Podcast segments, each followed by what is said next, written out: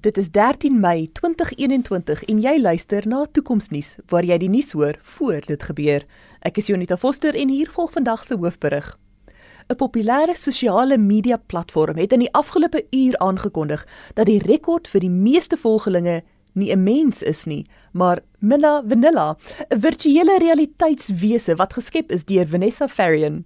Die boodskap van die wese wat die meeste reaksie ontlok het, is waar sy 'n toonperfekte weergawe van Whitney Houston se I Will Always Love You sing vir 'n lewende skare van avatare. Pieter Geldenhuys is saam met my in die ateljee om te verduidelik wat op dese aarde hier aangaan. Welkom Pieter. Hallo Junita. Hoe is dit moontlik dat ons nie meer kan onderskei tussen 'n werklike mens en 'n stuk virtuele kuns nie? Junita, die antwoord is eenvoudig dit is masjienleer. So as jy praat van iemand wat lewendig voor iemand optree, hoe weet jy of dit wat jy sien werklik is of eenvoudige hologram is? Ons sien dat groot maatskappye, veral hier in die jaar 2010 tot 2020, geweldige voorsprong gehad het en voorsprong gemaak het met hologramme waar jy iemand op 'n op 'n skerm kon sien en nie eintlik kon besef dat dit 'n skerm is nie. Dit het soos iemand gelyk wat werklik op 'n verhoog rondstap. Maar as 'n mens dit nou verder kan neem, dan beteken jy ook dat jy hierdie virtuele entiteite of soos jy dit noem virtuele realiteitswesens kan jy binne in die kuberruimte baie maklik skep as gevolg van baie kragtige rekenaars en ook masjienleer. Met hierdie tegnologie kan jy baie maklik iemand kry om 'n onderhoud met 'n journal, joernalis te doen en dit is wat gebeur het met hierdie virtuele realiteitswese uh Milla Vanilla waar sy in 'n onderhoud met 'n hele paar joernaliste was. Sy het natuurlik via videokonferensie met hulle gesels. Hulle het haar 'n paar vrae gevra en sy het intyds daarop gereageer.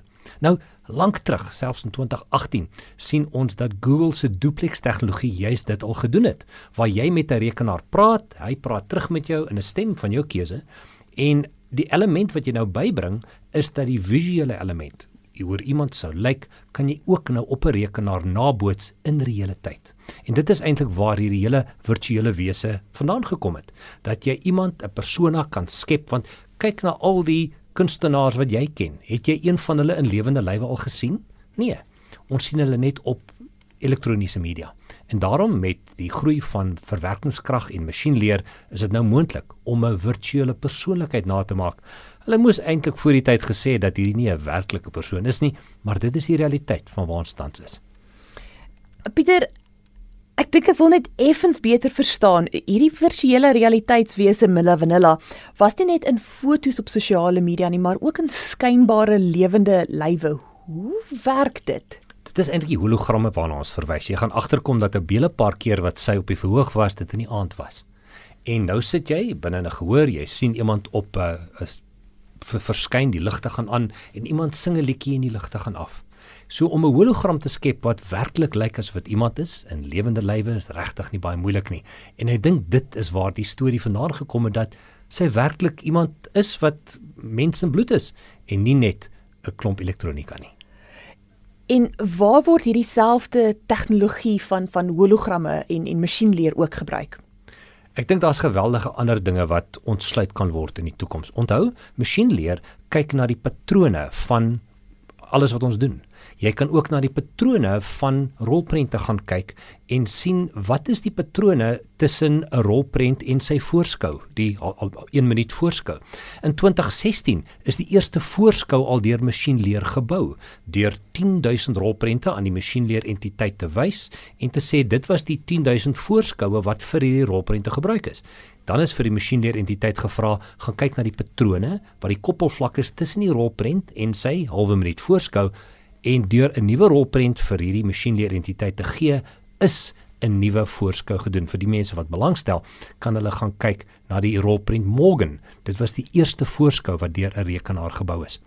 Net so kan jy die wêreld se beste akademiese aanbieders gebruik. Kyk na wat maak hulle baie goed. 'n Masjien leer vra om die beste karakteristikke van hulle bymekaar te trek en dan hulle te vra om 'n nuwe entiteit te skep, 'n sogenaamde superprofessor wat enige vak aan jou kan oordra en jy nog steeds vasgevang kan hou vir die hele aanbieding van die klas. Dankie vir die goeie verduideliking Pieter. Hewige beswaar van Milla Vanilla se volgelinge wat voel dat hulle gekil is, het die sosiale media platform gedwing om 'n beleid rondom die verklaring van menswees te skep. Die beleid sal dit nodig maak dat enige iemand wat nie kan bewys dat hulle 'n natuurlike persoon is nie, dit duidelik op hulle profiel so stel. Let dus mooi op wanneer jy volgende keer die internet aantekenblokkie klik wat sê I'm not a robot. Jy mag dalk een van die dae gevra word om dit te bewys. Dit was Pieter Geldenhuys en Jonita Foster vir Toekomsnuus, waar ons die moontlikhede van die toekoms ondersoek. Om op hoogte te bly van ander tegnologieverwikkelinge reg oor die wêreld, volg gerus die Toekomsnuus Facebookblad.